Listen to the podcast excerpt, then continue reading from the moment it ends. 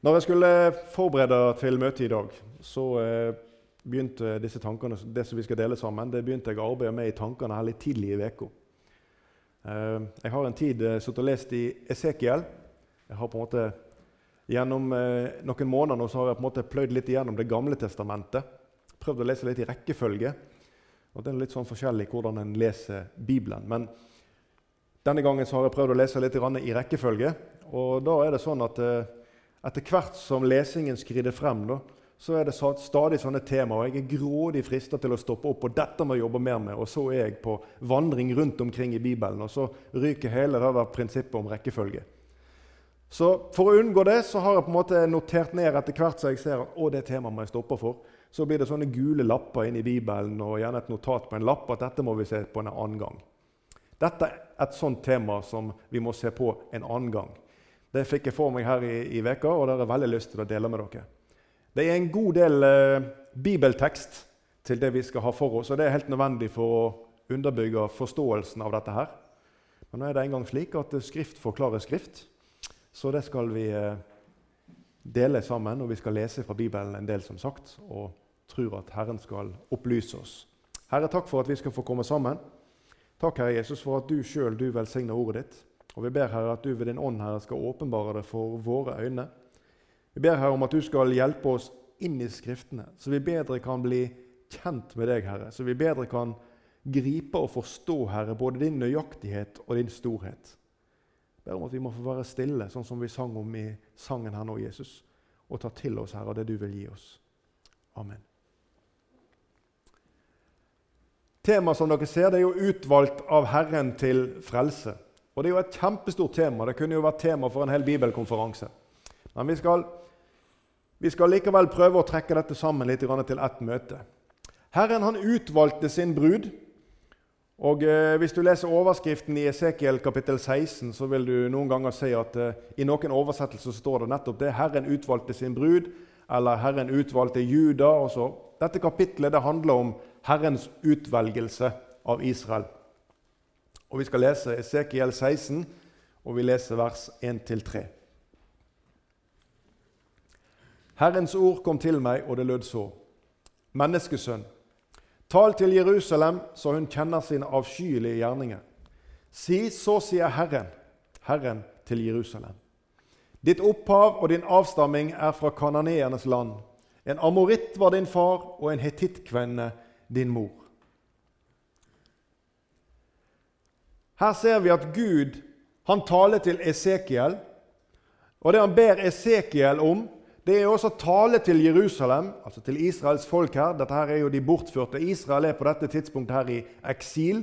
De er i Babel. Vi er sånn ca. i år 589 før Kristus, tenker jeg. Og Esekiel han får dette oppdraget av Herren. Det finner du, det går igjen i hele Esekiels bok. At han skal tale Israels barn til rette. Han skal fortelle dem om deres synd. Og Her er det altså at Esekiel han taler disse ordene som Herren ber han om. Si til Tal til Jerusalem, så hun kjenner sine avskyelige gjerninger. Si, så sier Herren, Herren, og så kommer det. Ditt opphav og din avstamming er fra kananeernes land. En amoritt var din far, og en hetittkvinne din mor. Gud påpeker slektskapet til Israel i dette verset. Og jeg tror at vi må litt inn i bibelhistorien for å få litt lys over dette med Israels folke sitt slektskap. Vi skal gå inn i Israels opphav, og vi er i første Mosebok, kapittel 10. Så leser vi vers 1-2. Dette er slektshistorien til Noas sønner, Sem, Kam og Jafet. De fikk sønner etter vannflommen. Jafets sønner var Gomer, Magog, Madai, Javan, Tubal, Meshek og Tiras så leser vi det sjette verset. Ekams sønner, som var Kush, og Mishraim, Put og Kanan. Så leser vi vers 22, og det er om Sem sine sønner, som var Elam, Asur og Arkpashad og Lud og Aram. Vi kjenner beretningen om Noah, vi som er samla her i dag. At Noah og kona hans og de tre sønnene hans og deres koner de gikk inn i arken sammen med alle dyrene. Og Så ble menneskeheten utrydda med unntak av disse. Og så har menneskeheten sitt utspring fra denne familien i ettertid. I Apostlenes gjerninger, kapittel 7, og vers 2-8, så leser vi òg litt om Israels opphav. Vi skal komme tilbake til dette med Noah. Og Stefanus svarte, 'Brødre og fedre, hør på meg.' Herlighetens Gud viste seg for vår far Abraham mens han var i Mesopotamia, før han bosatte seg i Karan. Og han sa til ham, 'Dra ut fra ditt land og fra din slekt, og gå til det landet som jeg vil vise deg.' Da dro han ut fra kaldeerlandet og slo seg ned i Karan. Og etter at hans far var død, lot Gud ham flytte derfra til dette landet som dere nå bor i.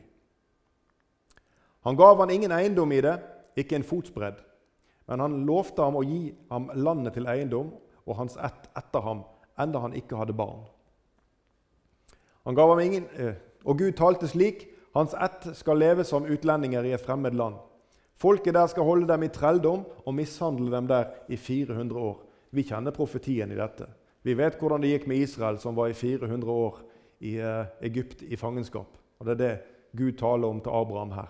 Vi kan ikke stoppe for alle disse tingene, men denne teksten som vi skal ha for oss i dag, den inneholder så veldig mange ting, men vi skal ha et fokus på dette med utvelgelsen. Men det folket som de skal trelle under, vil jeg dømme, sa Gud. Og deretter skal de dra ut derfra og tjene meg på dette stedet. Ja da, de skulle tilbake igjen til Kanan, som var det utvalgte land. Det landet som Abraham var i når han fikk dette løftet fra Herren. Her skal de komme tilbake igjen. Og han, ba, og han gav ham omskjærelsens pakt. Han fikk så sønnen Isak og omskar ham på den åttende dagen. Og Isak fikk Jakob, og Jakob de tolv patriarkene. Og Nå nærmer vi oss dette med slektskapet. Vi ser her Israel ifra Abraham som får sønnen Isak, som er løftesønnen, den som Gud har knytta pakten til. Og så leser vi senere at Isak han får Jakob. Og så husker vi Jakob han fikk tolv sønner. Og vi husker kanskje fortellingen om Josef og brødrene hans. Det er disse tolv sønnene og det er disse eh, vi leser om her, som omtales som de tolv patriarkene. De som er stamfedrene til hver av de tolv Israels stammer. Så nå har vi trukket igjennom. Vi får bare oppsummere litt. Vi har trukket igjennom og sagt at Israel kommer fra Abraham. Og vi ser det gjennom Isak og Jakob og de tolv sønnene til Jakob, som er patriarkene. Da har vi Israels tolv stammer. Men hva med Abraham sitt opphav? Hvor kommer Abraham ifra? Og Vi har vært helt innom Noah, og nå skal vi ta og gå tilbake igjen fra Abraham og til Noah for å se hvordan dette henger sammen. Og Vi leste i vers 22 i 1. Mosebok 10 at Sems sønner var Elam, Asur og Arkpasjad, Lud og Aram. Så har jeg merka navnet Arkpasjad i eh, rødt her. fordi at Gjennom Arkpasjad så leser vi i vers 24 i samme kapittel at han fikk sønnen Sjela, og Sjela fikk sønnen Eber. Dere må følge godt med, for vi skal ha eksamen etterpå. Eber han fikk to sønner. Den ene han heter Peleg, for i hans dager så ble jorden delt. Hans bror heter Joktan. Og så tror jeg vi skal ta kortversjonen, for nå blir det en lang ettertavle her. Peleg han fikk Reu. Og han fikk Serug, som igjen fikk Nakor, som igjen fikk Tara. Og Når vi sier Tara, da er det i hvert fall noen her som jeg vet begynner å kjenne igjen at nå nærmer vi oss Abraham. For Tara han fikk Abraham, og Nakor og Haram. Og Abraham og Abraham det er samme mann. Vi leser her Gud han endrer navnet til Abraham til Abraham. Første Mosebok 17,5.: Ditt navn skal ikke mer være Abraham, men ditt navn skal være Abraham, for jeg gjør deg til far for en mengde folk. Dette er et, Abraham og Abraham det er et ordspill på hebraisk i forhold til dette med å være et stort folk. Vi har altså slått fast at Israel de er etterkommere av Sem. Sant? Noas tre sønner, Sem, Kam og Jafet. Og nå har vi trukket slektslinja fra Sem og gjennom ni slektsledd og fram til Abraham. Derfor så er det altså at israelittene kalles for semitter. I vår tid, så, og ikke bare i vår tid, men i nyere historie så hører vi begrepet antisemitter. Det er de som står imot jødene. Så semitter det er de som kommer av Sems ett. Så må vi tilbake igjen til det ordet som vi starter med, i Esekiel 16 og vers 1-3. Herrens ord kom til meg, og det lød så. Menneskesønn, tal til Jerusalem så hun kjenner sine avskyelige gjerninger. Si, så sier Herren, Herren til Jerusalem, ditt opphav og din avstamming er fra kananeernes land. En amoritt var din far, og en hetittkvinne din mor. Men amorittene og hetittene de er jo Kanans barn. Vi leste det i Esekiel, at det var, ditt opphav er fra kananeerne. Første Mosebok 10,6. Kams sønner var Kash, eh, Kush, Mishraim, Put og Kanan. Og Hvis vi leser fra 1. Mosebok 10 og 15 til 18, så ser vi litt mer om denne slekta. Kanan ble far til Sidon, som var hans førstefødte, og til Het, og til jebusittene, amorittene og girgasittene, og avadittene og semarittene og hematittene. Synet mitt er ikke så godt som det var en gang. Siden bredte kanoneernes etter seg videre ut, hevittene, arkittene og sinittene. Dette er jo, dette er jo Kams slekt. Så hva er det Gud mener når han ber Esekiel om å gå til Jerusalems innbygger, til Israels folke her i eksil? Og så skal han si til dem ditt opphav og din avstamming er fra kanoneernes land. En amoritt var din far, og en hetittkvinne din mor. Motsier Bibelen seg sjøl her? Hva er det Gud mener? Han sier at deres opphav er fra amorittene og hetittene. Men Israel er jo vitterlig av Sems ett. Det har vi lest.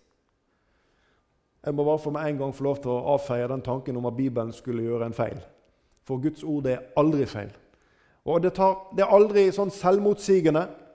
Men vi er nødt for å se litt mer på bibelhistorie for å forstå dette. Hva er det som er galt her?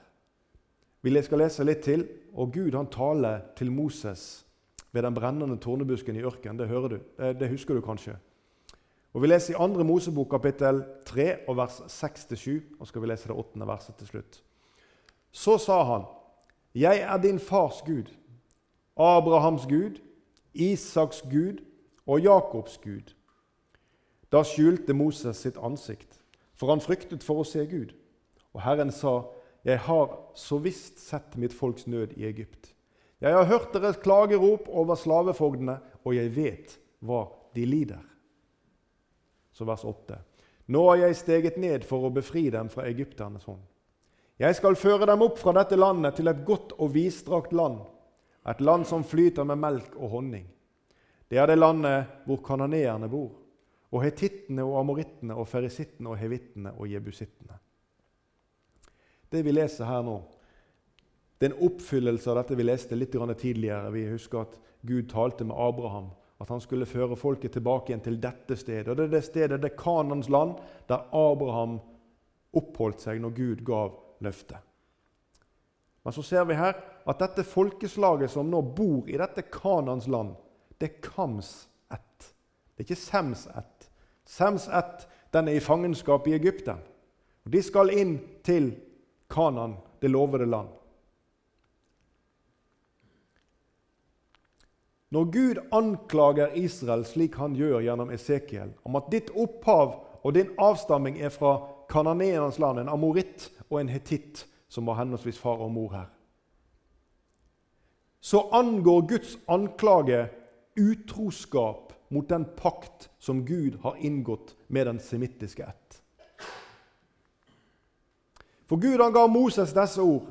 I 2. Mosebok 23 og vers 23 så står det For min Guds eh, unnskyld, for min engel skal gå foran deg og føre deg fram til det landet hvor amorittene og hetittene og ferisittene og kananeerne og hevittene og jebusittene bor. Og jeg vil Hva sa Gud? 'Jeg vil velsigne Nei, nei, ikke det. Dette er Kams ett. Hva Gud vil gjøre. Og jeg vil tilintetgjøre den. Her er det bibeltimemateriale bare her. For det er veldig interessant å se på at den slekt som Gud lot gå inn i arken for å berge, den er det nå en slekt som Gud sier at den skal han tilintetgjøre. Det har skjedd noe på veien her. Vi kan ikke stoppe mer for den teksten i dag. Det får vi gjøre en annen gang. Men Guds ord til Moses er at når de kommer inn i Kanan, så vil han tilintetgjøre disse folkeslagene. Og jeg har merka med rød farge her amorittene og hetittene. Og det er nettopp av disse folkeslagene at Gud sier gjennom Esekiel at her, Israel, her er ditt opphav. I 2. Mosebok kapittel 23 og vers 24 så leser vi Guds forordning når det gjelder de folkeslagene som bodde i Kana. Du skal ikke tilbe deres guder eller tjene dem. Du skal ikke gjøre det som de gjør, men du skal rive ned deres gudebilder og slå deres steinstøtter i stykker. Dette var det oppdraget som Israel hadde når de kom inn i Kana. Vi leser vers 32-33 i samme kapittel. Du skal ikke gjøre noen pakt med dem eller med deres guder. De skal ikke bo i ditt land, for at de ikke skal forføre deg til å synde mot meg. For da vil du tjene deres guder, og det ville bli en snare for deg. Men det som skjer, det er at Israel de trosser Herrens bud. Du kan lese om dette bl.a. i Josva 23, vers 12-13 og flere steder der. Der kan du også lese om hvordan det advares, men hvordan det inngås såkalt svogerskap med folkeslagene i Kanan. Og så oppstår da disse slektsforholdene til hedningene. Så oppstår slektsforholdene til Kams ett, til kananeerne. Stikk i strid med det som var Guds bud om at de skulle ikke blande seg med dette folket. De skulle ikke gjøre sånn som de gjorde. De skulle ikke dyrke deres guder. De skulle rive ned deres gudebilder. De skulle ikke la de bo i landet. På alle disse punktene så feiler Israel. Og så inngår de svogerskap med disse folkeslagene. Og Israel ender opp i avgudsdyrkelse. Og de ender opp med å gå sine egne veier i utroskap mot Herren. Og Dette er grunnen til Herrens anklage over Israel i eksilet. Husk at Israel, når de på en måte de smaker konsekvensene av de løftene som Gud hadde gitt over den som var ulydig mot hans ord. Den som ga seg av sted i avgudsdyrkelse. Dersom Israel ikke var lydig, så kom de til å bli overvunnet av sine fiender. Det som Israel befinner seg midt i mens de får denne irettesettelsen gjennom Esekiel, det er den konsekvensen som er forutsagt over dem. Og De lever i det, og de ser det. Og Esekiel han sier at ditt opphav og din avstamming den er fra amorittene og hetittene.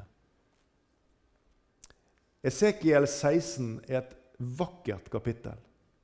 Det er et alvorlig kapittel, men jeg anbefaler på det sterkeste å ta god tid til å lese Esekiel kapittel 16. For gjennom det 16. kapittelet, og spesielt hvis vi leser i vers 4 til vers 14 Og vi kan ikke lese hele Esekiel, for det er jeg lurer på om det er 60 vers, ca. 60 vers, og det blir for langt på et formiddagsmøte her. Men i vers 4-14 så leser du hvordan Gud inngår pakt med Israel. Hvordan Gud ser til dette folket, og han skriver billedlig om hvordan det er som et spedbarn som ligger der og velter seg, og som er blitt kastet bort fordi at ingen ville ha det. Og hvordan Gud tar det til seg og steller det. Og Slik begynner på en måte omsorgen for Israel. Han tar det som er utstøtt, det som er for ingenting å regne, det som kom til å dø, det tar Gud inn til seg. Og så gjør han det til noe flott, til noe fint. Og så utruster han dette, og så gir han det all velsignelse. Og de, disse disse versene her fram til 14 de er så beskrivende om hvordan Gud utsmykker, og hvordan han omtaler denne denne, dette barnet som, som, som, står om her, eh, som, som, sin kjære. Og hvordan dette vokser frem, og hvordan pakten blir inngått. Det er fantastisk lesning. Vi skal lese det åttende verset. Da gikk jeg forbi deg og så på deg, og se, din tid var kommet, elskovens tid. Jeg bredte min kappe over deg og skjulte din nakenhet. Og jeg tilsverget deg troskap og sluttet pakt med deg, sier Herren, Herren. Og du ble min. Jeg blir så grepet av dette ordet her. hvordan Gud tok dette folket, trykte det til sitt bryst og gjorde det til sitt. Gjennom en pakt som han lagde. Jeg tilsverget deg troskap og sluttet pakt med deg, sier Herren. Det er Gud som gjør dette. Så står det her 'Jeg bretter min kappe over deg'. Det finner, dette begrepet finner vi. Det er på en måte en, eh, en sånn tradisjonsbunden sak. Eh, vi kan lese om det i Ruths bok, om eh, Boas som brer kappen sin over. Når Ruth sier til ham 'Bre din kappe over meg', altså ta meg til ekte. Gjør meg til din. Og det er det Gud sier her. Jeg bretter min kappe over deg og skjulte din nakenhet. Han tok Israel til ekte. Han inngikk en pakt, en ekte pakt, og det ordet finner vi mange ganger i Skriften når vi leser om forholdet Gud-Israel. Men så skjer det noe. I vers 15 og helt til vers 58 i Esekiel så kan vi lese om den utroskapen som Israel bedriver mot denne ektepakten. Vi kan lese om hvordan de farer fram i overmot og egen styrke. Vi kan lese om avgudsdyrkelse, og vi kan lese om hvordan det blir fiendskap med Gud. Vi kan lese om hvordan Israel brukte de velsignelser som de hadde fått fra Herren, eller misbrukte de når de søkte allianser med andre krefter for å vinne fram, heller enn Gud. Guds anklage i Esekiel 16, som vi leste vers 1-3, den beskriver Israels paktsforhold til hedningene. Den beskriver hvordan Israel har et forhold til hedningene sine avguder, til deres skikker, mens pakten med Gud, den er glemt. Guds budskap ved Esekiel det er rett og slett en oppramsing. For det er ikke bare disse tre første versene vi leste. Men helt fra vers 15 og ut til vers 58, 58 ja, der er det en oppramsing av fakta. Og det er en fyldig og en helt korrekt anklage. Det er ingen av israelittene som kan si at 'nei, du tar feil'.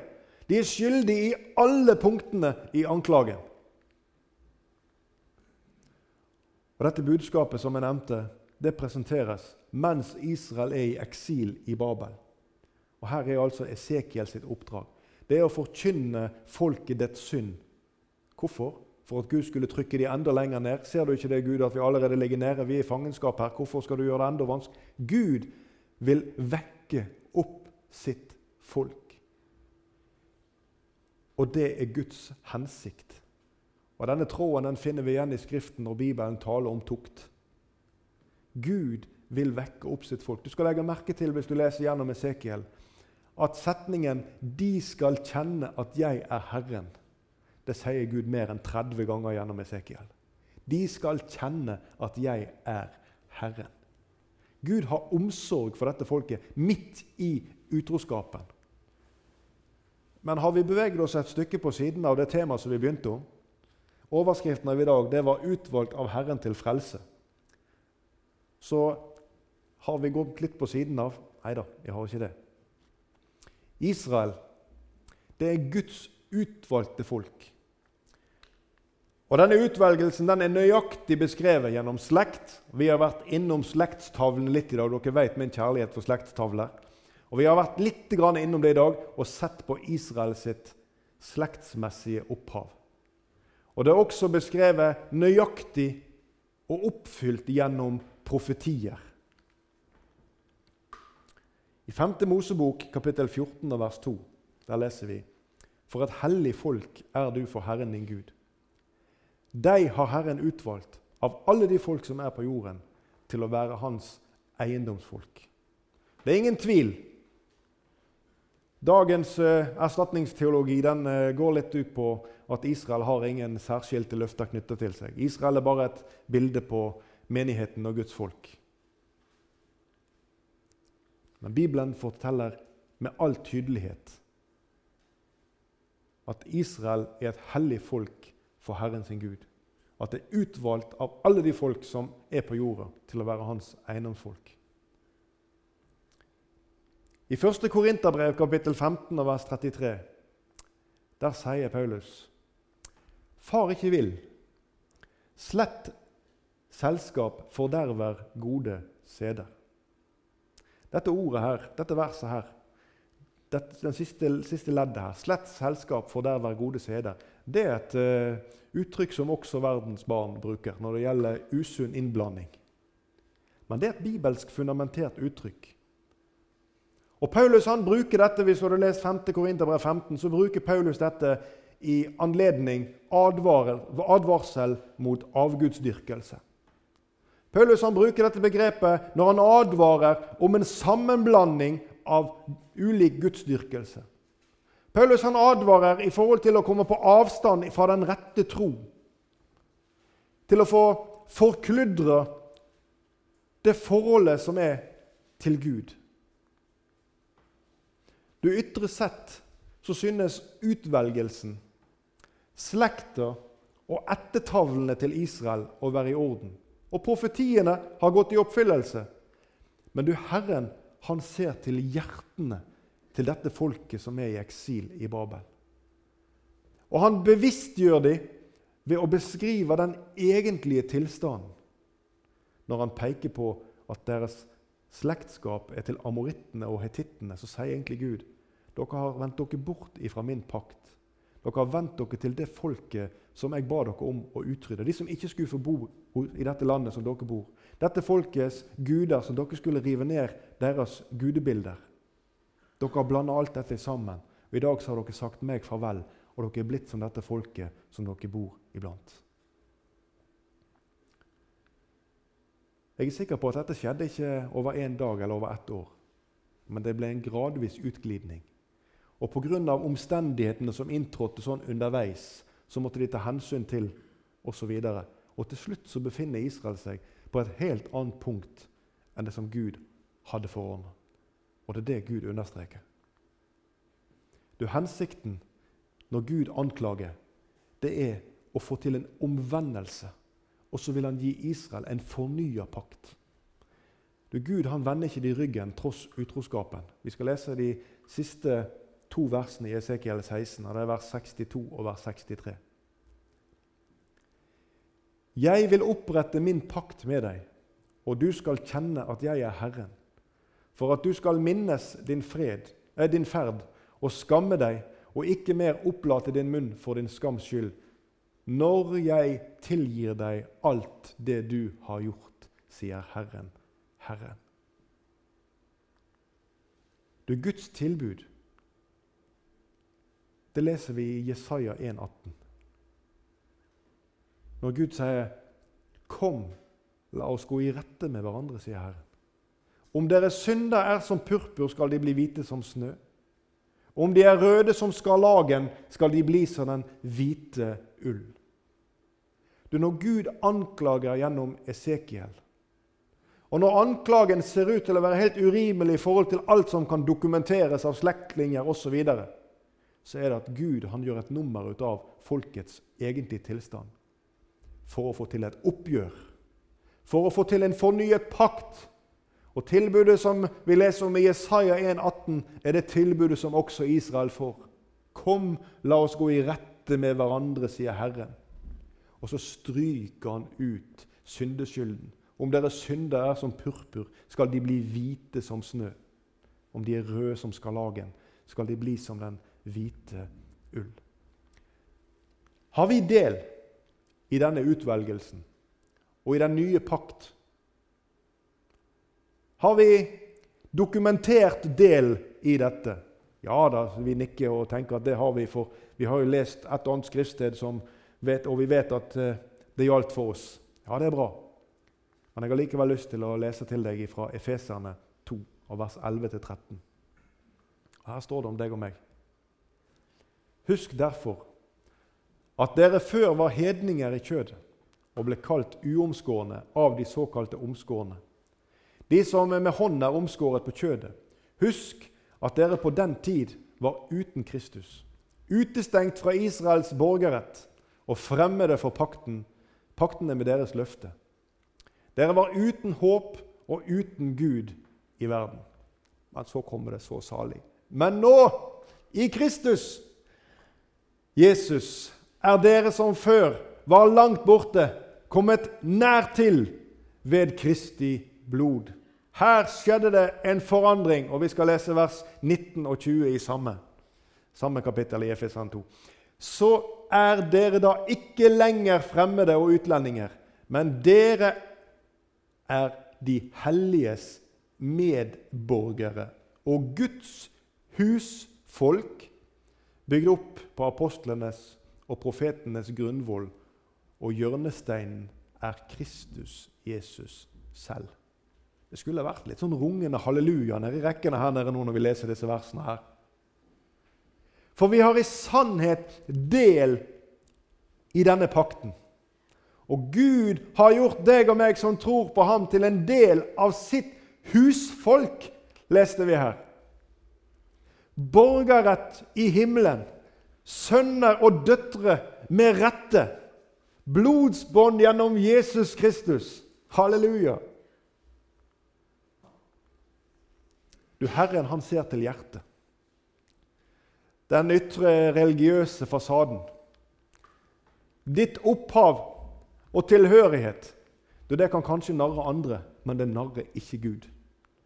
Og Herren, han minner om synd og avstand ved Den hellige ånd, og han taler til hjertene for å få en omvendelse, for å få et oppgjør og for å fornye sin pakt og for at du på nytt skal få kjenne velsignelsen i ditt liv. Og Det var dette som skjedde i Esekiel i vers 1-3. Det er hele Guds hensikt med det han gjør her. Så har vi vært en lang omvei gjennom ettertavlene for å få gjort dette lille poenget. Men jeg hadde lyst til at du skulle få kjenne på hvordan Guds ord underbygger det Gud sier, og at det ikke er selvmotsigende. Du, Herren han ønsker oppriktig fellesskap Jon Roger Nesja han var her forrige søndag, og han talte så levende ut om Herrens høytider. Og Vi skal få høre to sånne bibeltimer til om Herrens høytider. Og jeg bare si til deg, Du må ikke gå glipp av de møtene. Du må være her og høre på Jon Roger. Det er en fantastisk og nøyaktig utleggelse av Skriften. Jon Roger han hadde flere poenger gode, men han sa bl.a. at Herren han ville ikke ha sånne arrangementskristne. Han vil ikke ha høytider som feires for nær sagt arrangementets skyld. Hele grunnlaget for Herrens høytider det er Herrens inderlige ønske om samfunn med sitt folk. Slik også med deg og meg. Herren han ønsker oppriktig fellesskap. Han ønsker ikke at du skal komme på møte om søndagen og sitte i benken og hilse på de andre og drikke kaffe og gå hjem igjen, og alle tror at du har det så inderlig vel, for sånn ser det ut på utsida. Gud ser til hjertet. Og det finnes mennesker også i den kristne menighet som trenger et nytt møte med Jesus. Som trenger en ny vitaminkur, som må smake på livets brød på nytt for å få kjenne på salighet og fred og glede i sine hjerter. I møte med anklagen Når djevelen kommer og anklager, så er det kun én referanse som gjelder til frelse, og det er Jesu blod. Det er ingen andre referanser, uansett hvor bra du har det. Uansett hvor god jobb du har, og hvor mye penger du tjener. Uansett hvor godt du er situert, hvem du slekter på osv. Det spiller ingen rolle. På den dag når anklagen er over ditt liv, så er det én referanse som gjelder, og det er Jesu Kristi blod. Jeg har gjort en erfaring en gang i den praktiske verden hvor jeg satt og samtalte med noen mennesker som spurte etter mine referanser. Og Jeg kunne jo brukt litt tid på å prøve å skrape sammen de beste referanser og prøve å gjøre så godt jeg kunne ut av det. Men etter å ha tenkt meg om, så kom jeg på ett navn. Og så er jeg vedkommende en bekjent. Da var det slutt på alle spørsmålene. Det var ikke lenger nødvendig å spørre om andre referanser for meg. For hvis denne var en bekjent så var det mer enn så godt nok. For han ville ikke være bekjent med hvem som helst. Så det var helt greit. Da var det, det var helt nok. Du, sånn er det i møte med hva som helst som kommer. Referansen til Jesu Kristi blod, det er nok. Det er ikke lenger noe spørsmål etter andre ressurser. Det er nok, det som Jesus gjorde. Herre, takk for at du har minnet oss om ordet ditt. Dette ble mange ord, og det ble mye bibeltekst. Nå ber jeg om at du må hjelpe oss, Herre, for dette trenger vi hjelp til. At vi kan få grunner på ordet ditt, slik som Maria gjorde. Herre, la du de bitene som du ville skulle være til oppvåkning og liv for oss få ligge igjen i våre hjerter, Herre. Og minn du oss, Herre Jesus, om ditt inderlige ønske om oppriktig fellesskap med oss i ditt navn. Amen.